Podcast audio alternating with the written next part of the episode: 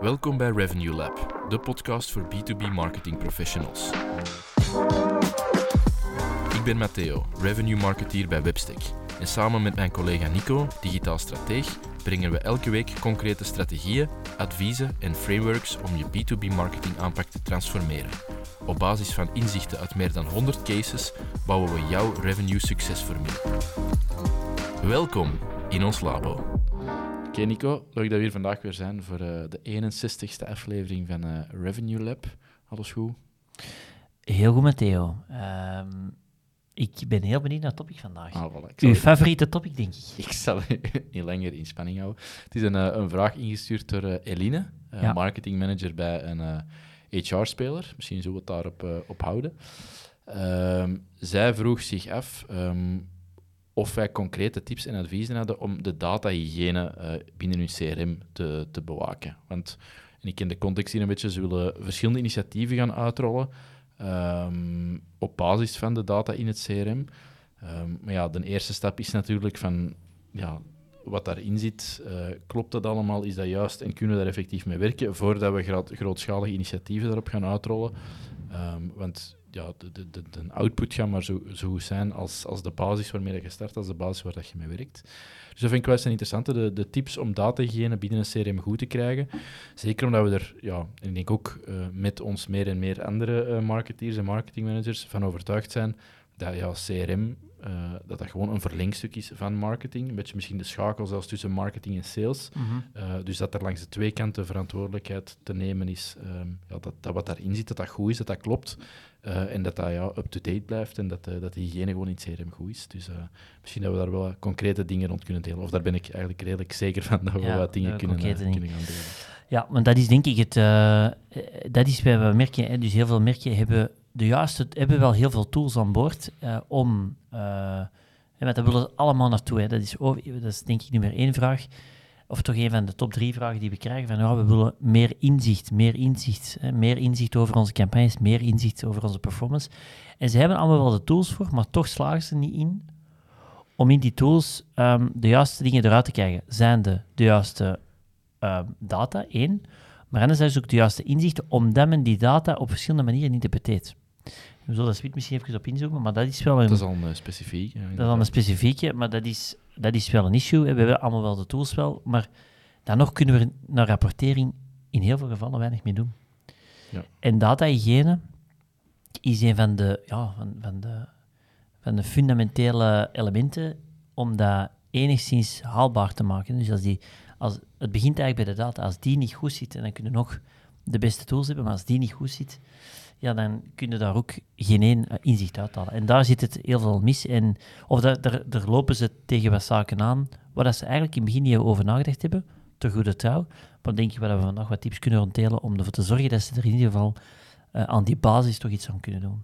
En als je het dan hebt over uh, data en de basis, wat moeten ze er dan juist onder verstaan, hè, zodat de, de, de, de, context of de definitie voor de rest van de aflevering wat duidelijk is? Hmm. Hoe interpreteert je dat dan? Of, of wat is zo de standaard definitie dat we, dat we misschien moeten meepakken voor de rest van de aflevering? Wil zeggen, uh, van basis in, als in van?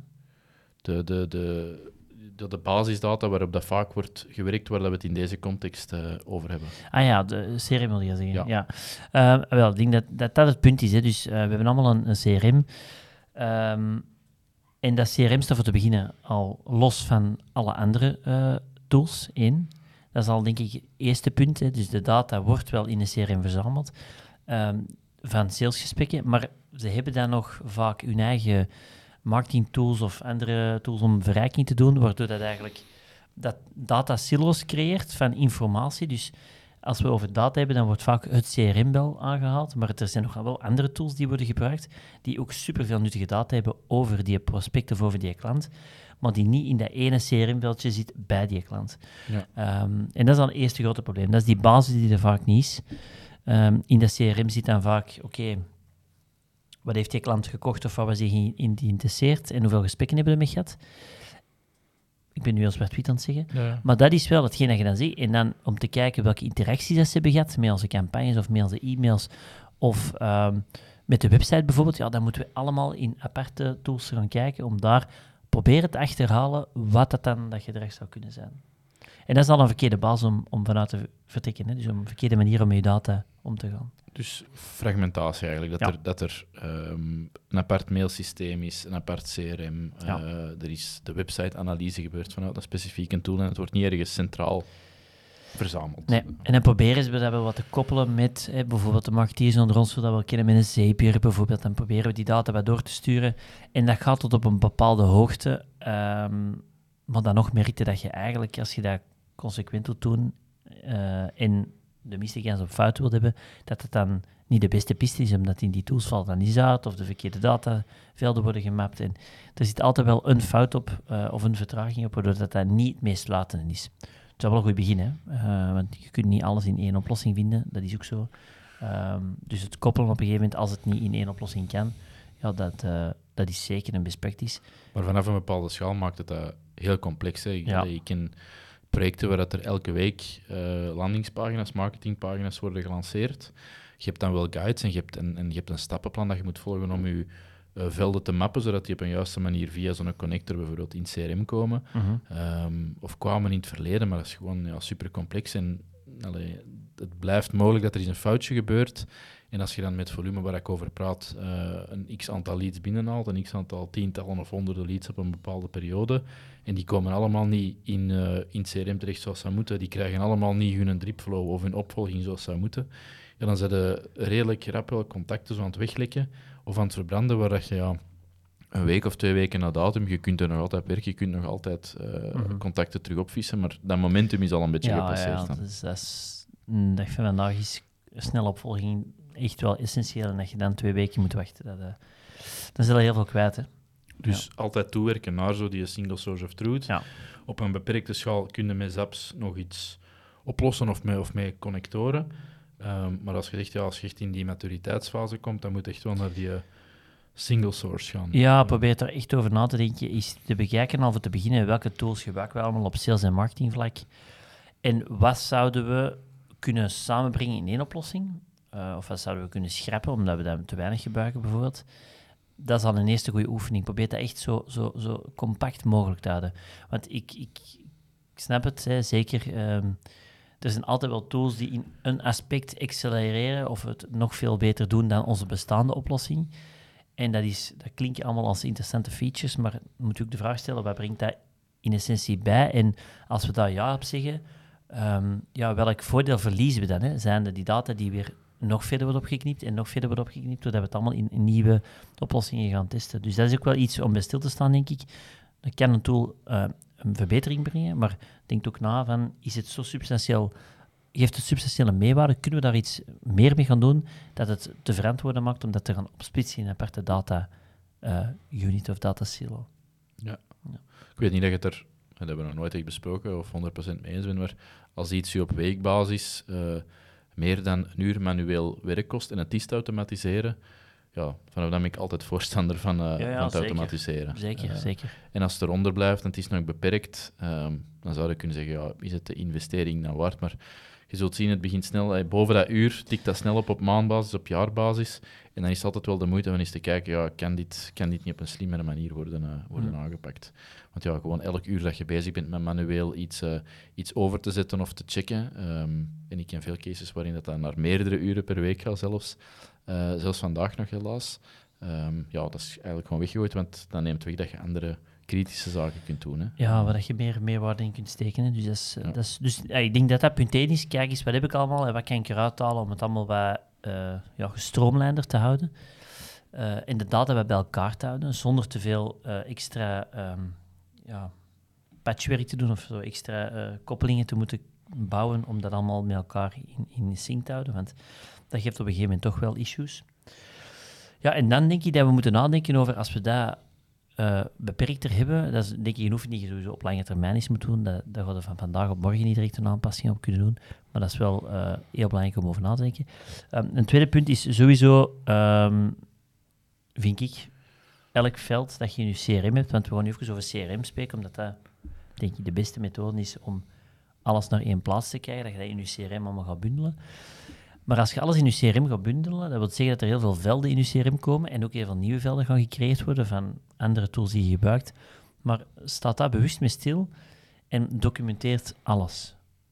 Absoluut, absoluut ja. Dat, is, uh, dat er vaste afspraken zijn rond, rond die velden en dat er geen... Uh, want zelfs vanaf dat je met twee mensen in een CRM werkt en die hebben niet of die hebben een andere kijk op de zaken en er zijn geen afspraken, ja, dan kan het al beginnen mislopen. Uh, een veld dat de eerste persoon voor een bepaalde manier gebruikt en een tweede persoon voor een totaal andere manier, ja, begint dan achteraf maar eens conclusies te trekken. Hè. Dat, is dat is onmogelijk. Dus, En dat is ook iets wat we altijd zeggen, als je, zeker als je nieuw CRM uh, gaat implementeren, um, of ook een bestand de loop neemt, kijk eens naar al uw, al uw velden dat je op contact op bedrijfsniveau of op dealniveau hebt.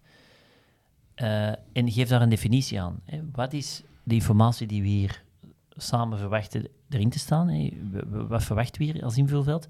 In welke vorm uh, gaat dat ingevuld worden? Is dat een vrijveld? Is dat een selectieveld? Is dat een numeriekveld? Uh, definieert dat. En bespreek ook wanneer dat, dat veld zou ingevuld moeten zijn in het proces. Ja. En zorg ervoor dat je daar al gealineerd over bent, dat je inderdaad niet de fout maakt wat je, wat je aangeeft met Theo, dat dat ik, dat ik zou denken dat dat een numeriekveld is en jij maakt er een vrije tekstveld van waar je gewoon tekst begint te typen, ja, dan kun je achteraf dus niks meer doen. Hè. Ja. Um, en idealiter... Ja, dan is er heel veel nog manueel rechtzetwerk nodig voordat je ermee aan de slag gaat. En dan begint je dan niet aan. Ja, dan schiet je tool voorbij. Ja, en dan begint er niet aan. Dan begint niet aan. Dat, is, dat is op een gegeven moment te complex, zeker met veel leads en veel contact zit op maandbasis. Dat is, onbe ja, dat onbegonnen werk. Dan is eigenlijk het inzicht bijna, het werkt niet meer waard. Uh, Nee, nee, absoluut. En ik, ik, denk sowieso die afspraak bij het begin is goed. En dan er is een collega dat heel sterk zegt, en ik geloof er ook wel in dat er een bulldog moet zijn, eh, een CRM bulldog aanwezig mm. binnen de organisatie.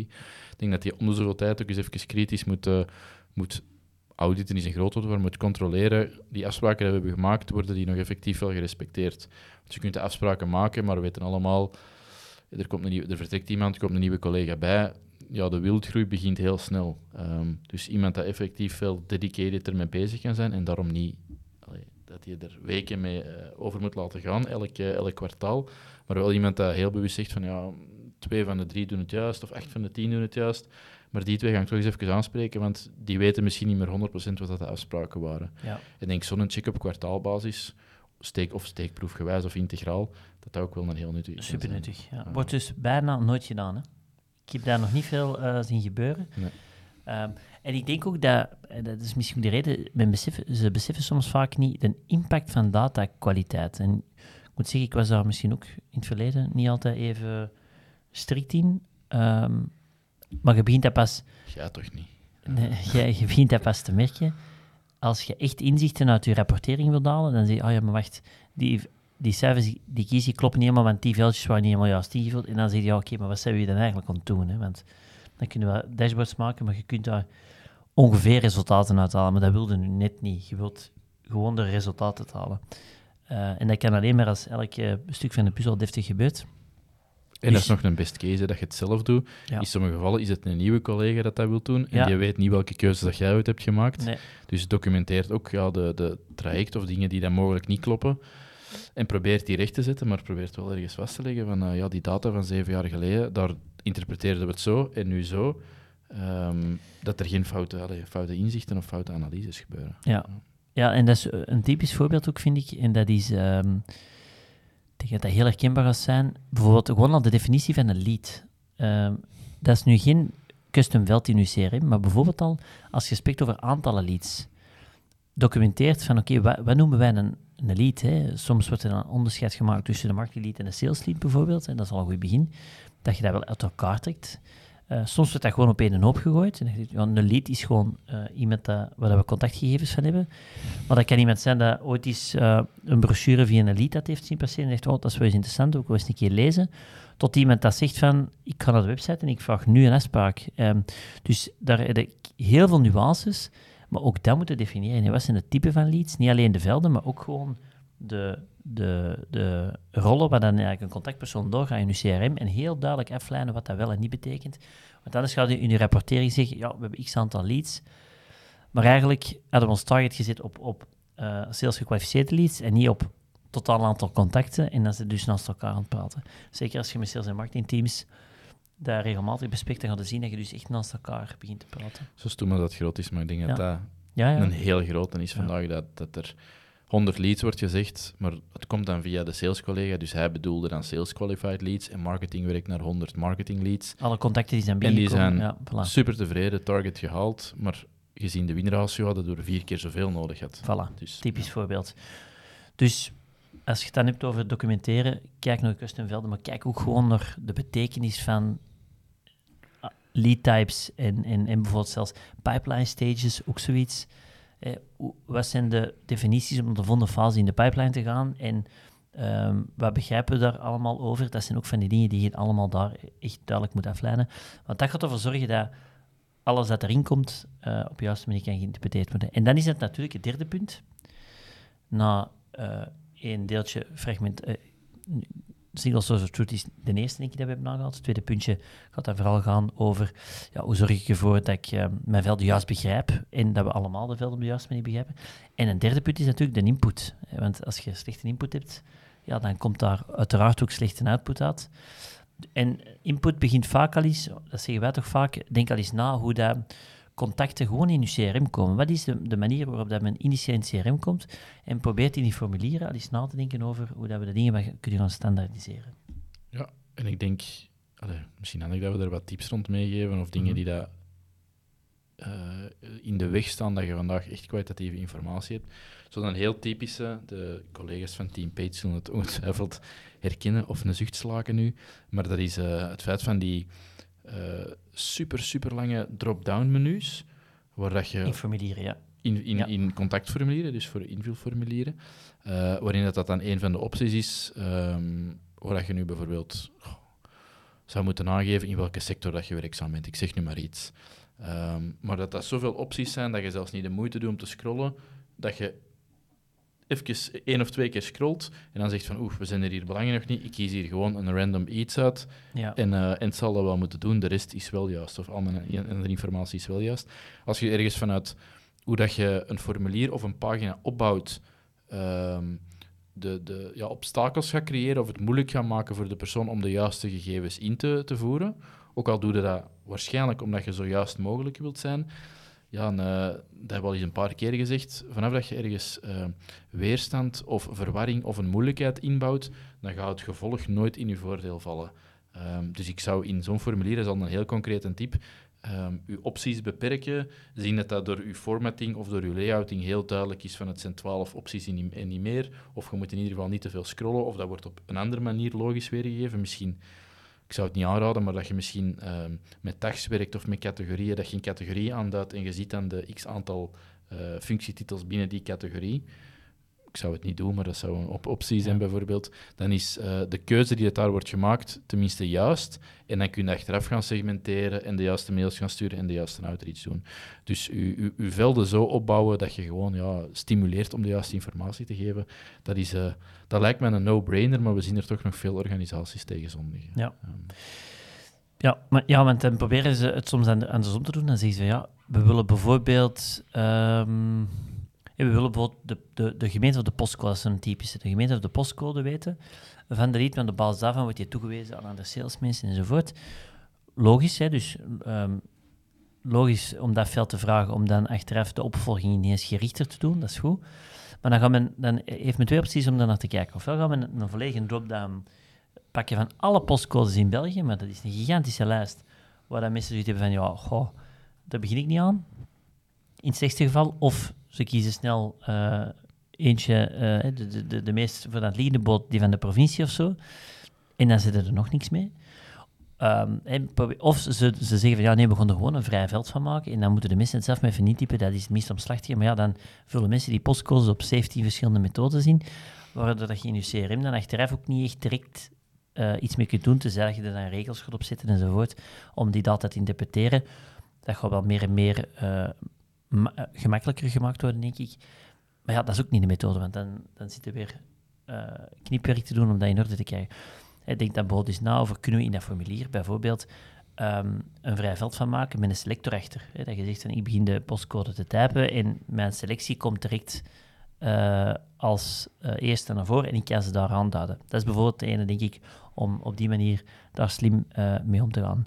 Met andere woorden, hetgeen wat wij vaak zeggen dan, probeer zoveel mogelijk, omdat we nog niet de tools hebben om of nog niet altijd de tools hebben om het CRM op basis van regels eigenlijk vrije velden te laten, of te laten interpreteren.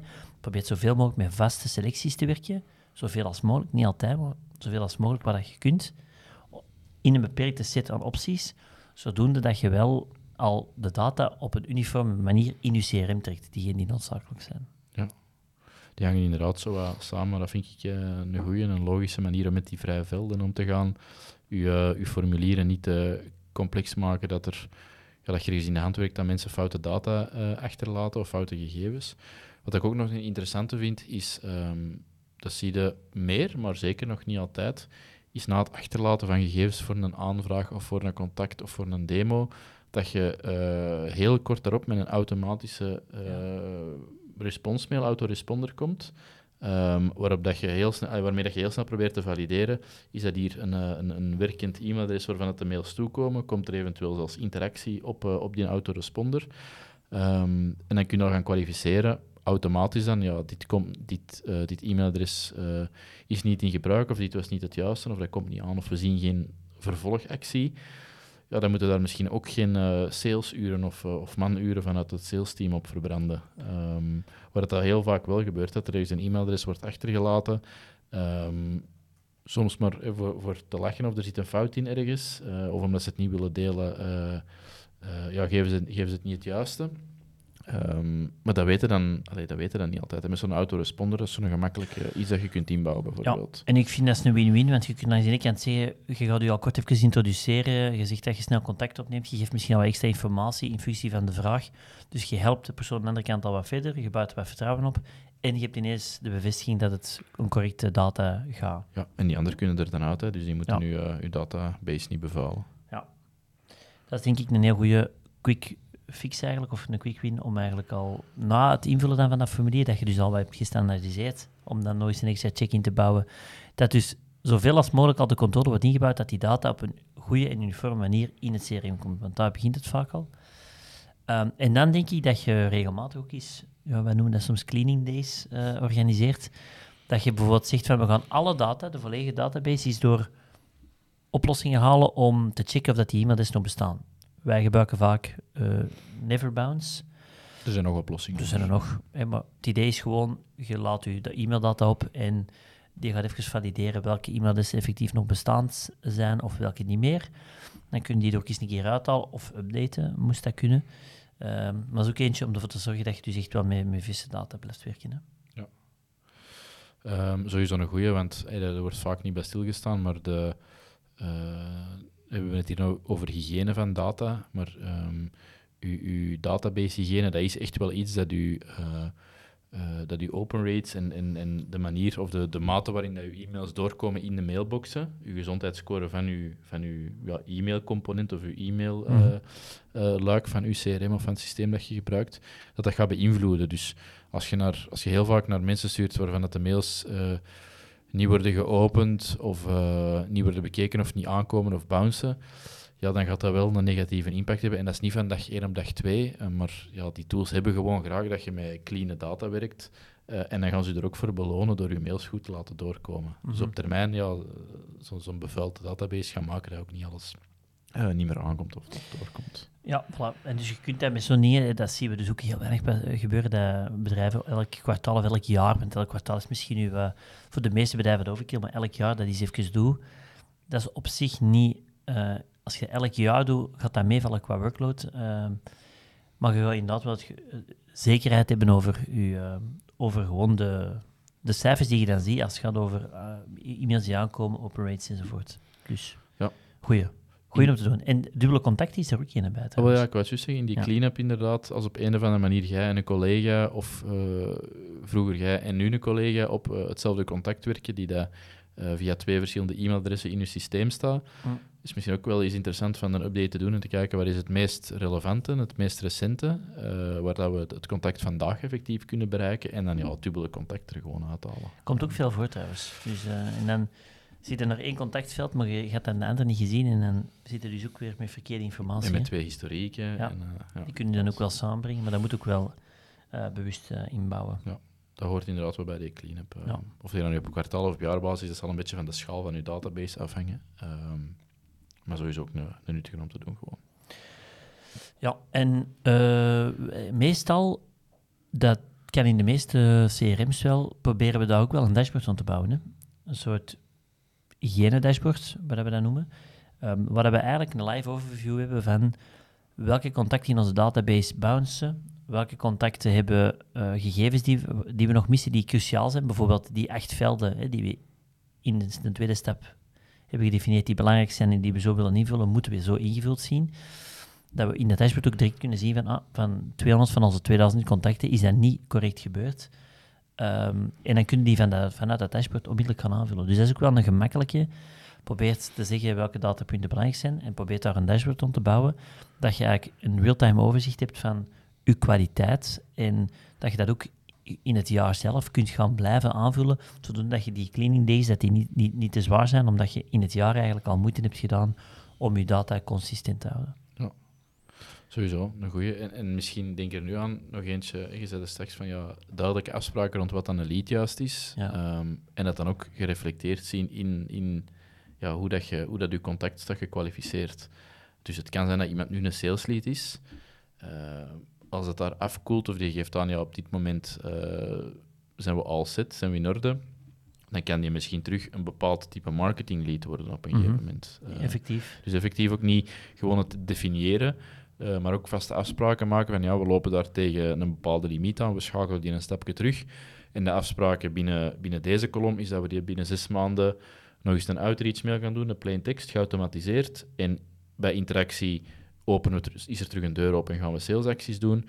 Uh, bij geen interactie blijft hem zogezegd de marketing lead en ontvangt hem onze dripflows of onze automatische communicatie. Ja, ook zoiets. Hè, ja. en, en, die status moeten aangepast, maar ook dat wordt vaak niet, uh, niet bekeken. En je blijft met al die sales leads zitten of al die marketing leads, maar die, die vloeien niet in elkaar over. Ja. Dus ook wel belangrijk om, uh, ja, om eens een keer over na te denken. Een berg sales leads hebben staan waarvan je weet, dan schuift het probleem een beetje op. Hè. Dus dat moet wel gereflecteerd zijn dat die effectief werkbaar zijn op dit moment. En als die heel duidelijk aangeven, wij schroeven terug of wij schakelen een stapje terug, ja, dan moet dat ook in je, in je CRM zo aanwezig zijn. Dat je er geen uh, niet-marketing acties op aan het doen bent, omdat je die in de sales uh, uh, pot hebt gestoken, terwijl je er ook niet echt salesacties op aan het doen zijn, omdat ze hebben aangegeven dat het niet relevant is op deze moment. Dus dat is zoiets iets klein, maar ja, je zou ervan verschieten hoe vaak dat, dat nog door de mazen van net glipt. Ja, omdat met mijn datakwaliteit en hygiëne vaak niet echt hard bezig is. Hè. Ja. Um, moet nu wel mee natuurlijk, met heel het GDPR-verhaal. Um, ja, moeten we er bewuster mee bezig zijn. Dus lees dus ook met de kwaliteit vaak beter bezig is. Uh, maar dat gaat alleen meer en meer groeien. Maar als dat allemaal goed zit en je, hebt die, die reflexen al ingebouwd en je probeert je, je, je doelstek zo lean mogelijk te houden, je zorgt ervoor dat, een, hoe de, de manier waarop ze in je CRM vliegen, dat je dat al uniform kunt houden door vaste velden bijvoorbeeld. En je kunt dan nog eens um, op periodieke basis zegt, sorry dat die een data, dat je dat niet ziet dat die correct is, hè, door ze te checken, door de dashboards rond te bouwen, ja, dan gaat die, gaat nooit perfect zijn, maar dan gaat die data toch al wel heel dicht tegen de uh, perfectie zitten. En dan kunnen we veel meer vertrouwen, want daar doet het dan eigenlijk voor. Hè. is, en dat is ook soms wel, vind ik, de misperceptie dat ik hoor van, ja, datakwaliteit, we weten, dat is belangrijk voor GDPR en zo. Maar dat draait daar niet over. Hè. Dat gaat over rapportering, dat gaat over uh, campagnes bijsturen. Dus als je dat goed hebt staan, dan ga je met veel meer comfort naar dat rapport kunnen kijken en beslissingen kunnen maken waar je van weet dat ze kloppen. En nu gaan we altijd zo naar een dashboard kijken. Bij veel bedrijven kijkt er naar een dashboard met het idee van, ja, ik denk dat het dat is. Um, we denken dat, maar het zou kunnen dat dit en dit en dit niet helemaal juist ingevuld is. Ja. En, dat is niet, en dat is natuurlijk niet goed. Dus daar moeten we denk ik iets aan proberen te doen. En um, daar denk ik dat wel wat methodes zijn, die we vandaag ook hebben aangehaald, die u al een stap dichter kunnen brengen om met meer comfort en met meer zekerheid naar je dashboards te kijken. Voilà. voilà. Ik denk dat dat de, de belangrijkste punten waren voor uh, wat dat data-hygiëne betreft, of de dingen die je er op korte termijn kunt doen. Moesten er mensen zijn die daar nog vragen rond hebben, of die daar tegenaan lopen tegen bepaalde elementen, kunnen ons altijd uh, de vraag sturen via LinkedIn of via websteek.be slash vraag. Uh, dan komen we daar één op één op terug. Of we geven daar, of we maken daar een nieuwe aflevering rond, natuurlijk. Dat is ook altijd een mogelijkheid. En indien niet, uh, dan zien wij jullie, of horen wij jullie heel graag terug tijdens onze volgende Review Lab. Tot dan. Merci dat je erbij was voor deze aflevering van Review Lab. Vergeet je zeker niet te abonneren om geen enkele aflevering te missen. Heb je een specifieke vraag voor ons? Dan mag je dit altijd inzetten via webstick.be vraag. Wil je exclusief toegang krijgen tot onze frameworks, playbooks en Ivaitonia events? Meld je dan aan via webstick.be slash lab. Tot volgende week.